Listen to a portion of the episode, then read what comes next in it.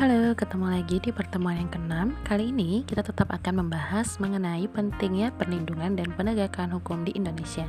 Nah, kali ini sebelum kita masuk ke materinya, coba kamu siapkan modul pertemuan keenam dulu ya. Kemudian catatan kamu dan jangan lupa dicatat segala hal-hal penting dalam podcast. Selamat mendengarkan.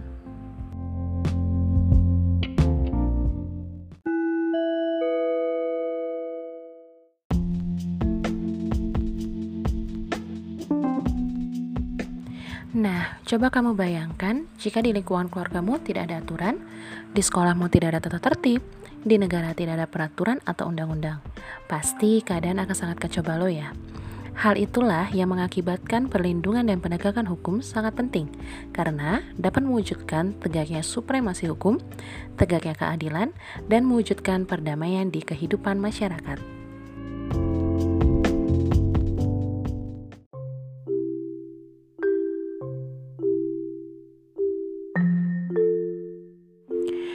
Berdasarkan ketentuan dalam Undang-Undang Dasar Negara Republik Indonesia tahun 1945, pasal yang pertama ayat ketiga menyatakan bahwa negara Indonesia adalah negara hukum.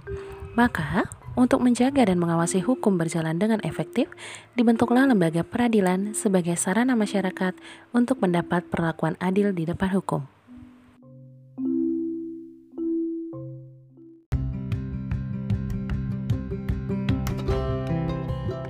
Perlindungan hukum bisa dibedakan menjadi dua, yaitu perlindungan preventif dan perlindungan represif. Apa sih itu perlindungan preventif dan perlindungan represif? Perlindungan preventif diberikan sebelum terjadinya pelanggaran, seperti membuat undang-undang, peraturan, atau rambu-rambu. Sedangkan perlindungan represif diberikan setelah terjadi pelanggaran, seperti denda ataupun penjara.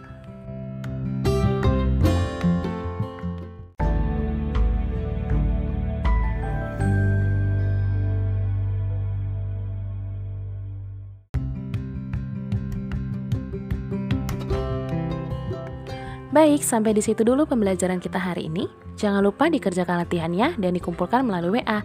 Sampai ketemu minggu depan. See you.